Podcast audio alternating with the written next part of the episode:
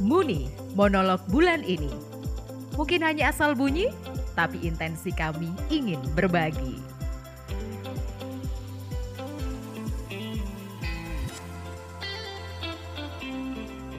Pengalaman pantang yang pernah aku jalani adalah pantang nasi bebek. Receh banget ya, ya ampun. Aku pernah diketawain temanku loh. Karena ketahuan waktu itu aku diajakin makan nasi bebek terus aduh gila ini godaan banget.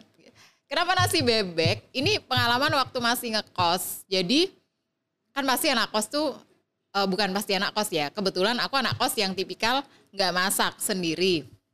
Tempat kosnya juga tidak memungkinkan untuk masak. Akhirnya makan selalu beli gitu.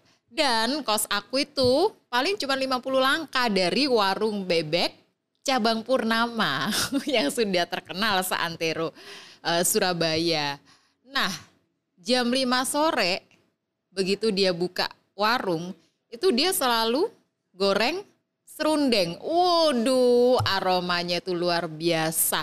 Semerbak sampai ke kos aku, gitu ya. Jadi waktu itu niat banget sudah Vera pantangnya nasi bebek. Itu suka banget. Oke. Awal-awal ketika aku memutuskan untuk berpantang itu kayak kuat gitu ya. Ya lah aku nggak makan nasi bebek nggak apa-apa, masih ada penyetan yang lain gitu. Doyan banget sama lele penyet, oke. Dikasih ayam penyet, oke. Kan itu hanya satu dari sekian banyak varian penyetan gitu. Dan aku bisa aja makan semuanya. Tapi pada kenyataannya satu minggu berjalan, waduh bener. Pengen berangkat. Pengen berangkat ke warung itu. gitu. Waduh pantang nih. Itu adalah salah satu pantang terberat buat aku waktu itu. Sampai ibu kos juga pernah nanya nih, kok tumben ya sekarang nggak pernah beli nasi bebek di sebelah gitu ya. Aku nggak bilang dong kayak aku, aku lagi pantang bu gitu kan. Kebetulan dia bukan Katolik ya. Iya bu, belum pengen. itu adalah alasanku.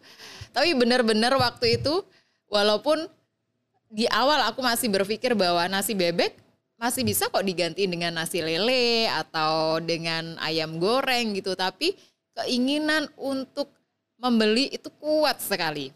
Ya puji Tuhan. Aku melewati kayaknya lama banget. 40 hari itu kayaknya lama banget.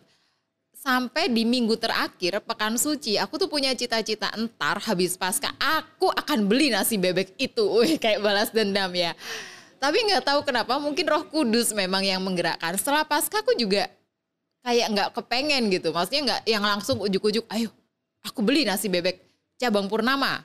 Lalu makan sekenyangnya, selahapnya gitu. Enggak juga. Ternyata ya ya bisa gitu. Ya hari-hari berikutnya kembali aku makan nasi bebek tapi memang tidak se apa ya uh, seingin ketika ada keinginan gitu ternyata bisa untuk ditahan itu berkat dari Tuhan. Aku hanya bercerita, semoga suka.